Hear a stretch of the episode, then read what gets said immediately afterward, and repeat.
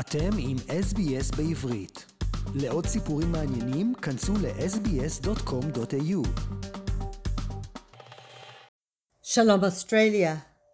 Rosh Yehudi, an organization committed to promoting and spreading Orthodox Judaism in Israel, defied the Tel Aviv municipality and an order from the Supreme Court and set up an improvised gender divider at a mass prayer event in Tel Aviv's Dizengoff Square at the start of Yom Kippur on Sunday evening, sparking an angry response from liberal activists and the eventual abandoning of the event.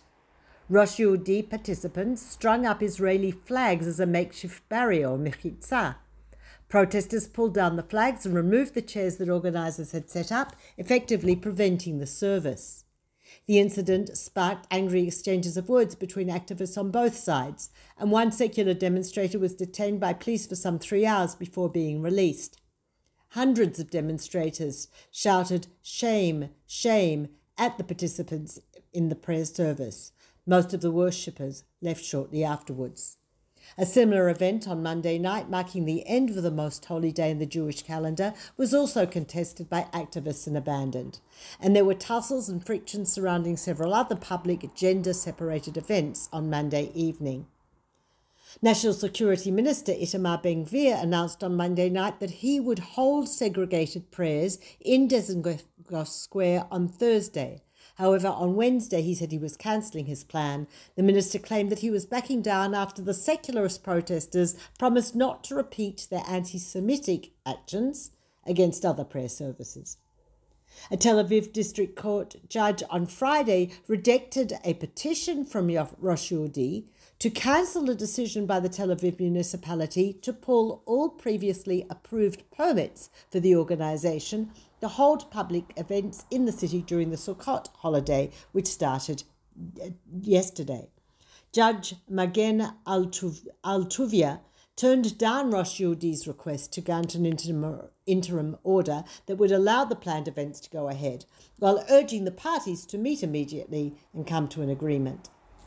The conflict around gender segregation comes amid a growing national debate over the role of religion in public spaces that has become exacerbated as part of the protests against the government's judicial overhaul.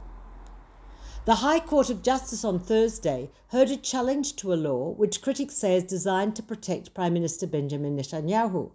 Petitioners are asking the court to annul the controversial piece of legislation, an amendment to Basic Law the Government, which blocks the court's ability to order the Prime Minister to recuse himself from office. Justices have indicated they're not planning to annul it, but could instruct the government to delay its implementation until after the next election to avoid it being used to personally benefit the current Prime Minister. Yitzhak Bart, an attorney representing the Knesset, admitted at the hearing that one of the main motives for passing the legislation was to personally serve Netanyahu's interests and shield him from removal based on conflict of interest agreement. That he argued that what was more important and should form the basis of the discussion was the purpose of the law, distinct from the motives for passing it, which is more general and transcends the motives that led lawmakers to pass it. Justice Yitzhak Amit responded, when the law is coloured from head to foot by a specific motive, the question is not does is does this not influence the purpose of the law? Michael Rebello, a private lawyer, lawyer representing Netanyahu, told the justices that voiding or delaying the implementation of the legislation would be a cancellation of the election results.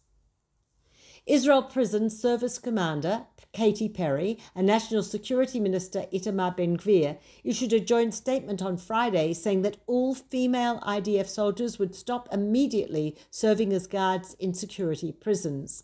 In a statement, Perry said that due to the severe incident, a revelation that female soldiers may have been sexually involved with Palestinian security prisoners, the prison service would take all necessary steps and have zero tolerance for instances of violating moral values.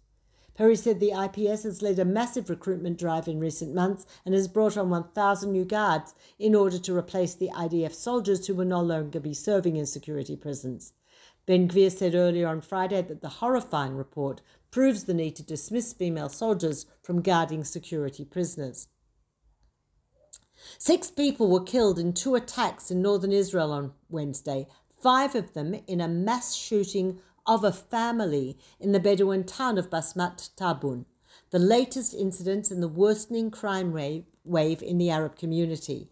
Atif Abul Khalid, a 50 year old Haifa resident, was gunned down in a daylight shooting in Haifa, apparently mistaken for a relative involved in a criminal feud.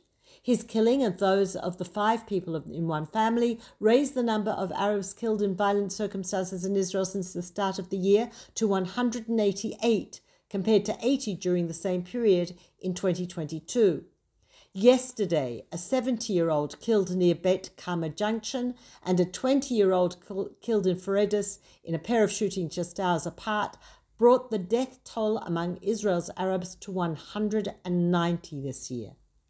Experts agree that the main catalyst for violence is the vast availability of weapons in Arab towns and villages, some 400,000 illegal firearms are circulating in Israel, the vast majority in Arab communities, and many of the weapons are smuggled into Israel from Jordan and the West Bank.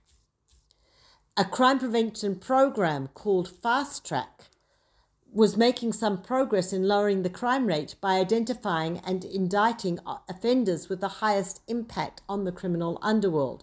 Scheduled to be implemented over four years from mid 2021, SafeTrack was discontinued at the end of 2022 with the collapse of the Bennett Lapid government and the transfer of authority to a rebranded National Security Ministry under Itamar Ben Gvir. A Sudanese man in his early 30s was shot dead on Hatzion Boulevard, and nine other African immigrants were wounded in a separate incident in violence in South Tel Aviv yesterday. At a ceremony marking 50 years since the Yom Kippur War on Monday, President Yitzhak Herzog said the country is facing a national state of emergency of division and polarization. Half a century after the Yom Kippur War, Israeli society is divided and polarized, and the crisis that has accompanied us for nine months is tearing us apart, directly harming society, the economy, and security. Herzog was speaking at an event at the Latrun Memorial outside Jerusalem. He said there's no denying that we're in real a real internal state of emergency. There's no denying that this is a time for soul searching, for learning lessons, for taking responsibility. We must all internalize the fact that our national resilience and the security of the nation are directly tied to the internal Israeli situation. Hundreds of thousands of protesters protested again last night against the government's legislative program all around the country.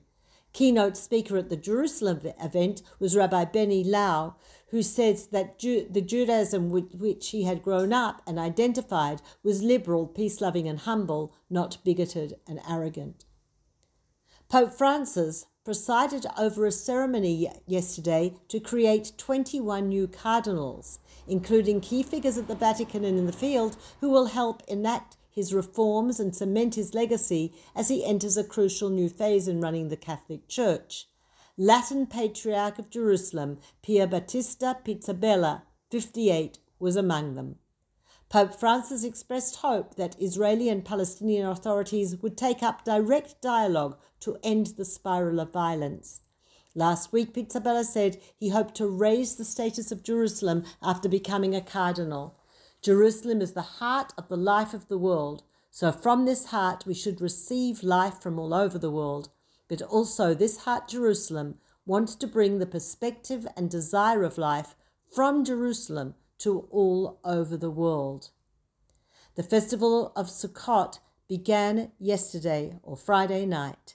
And this is Peta Jones Pellach reporting for SBS Radio and wishing all of us Chag Sameach, Moadim Lesimcha, and may the blessings of Sukkot be the blessings of peace. עקבו אחרינו והפיצו אותנו דרך דף הפייסבוק שלנו.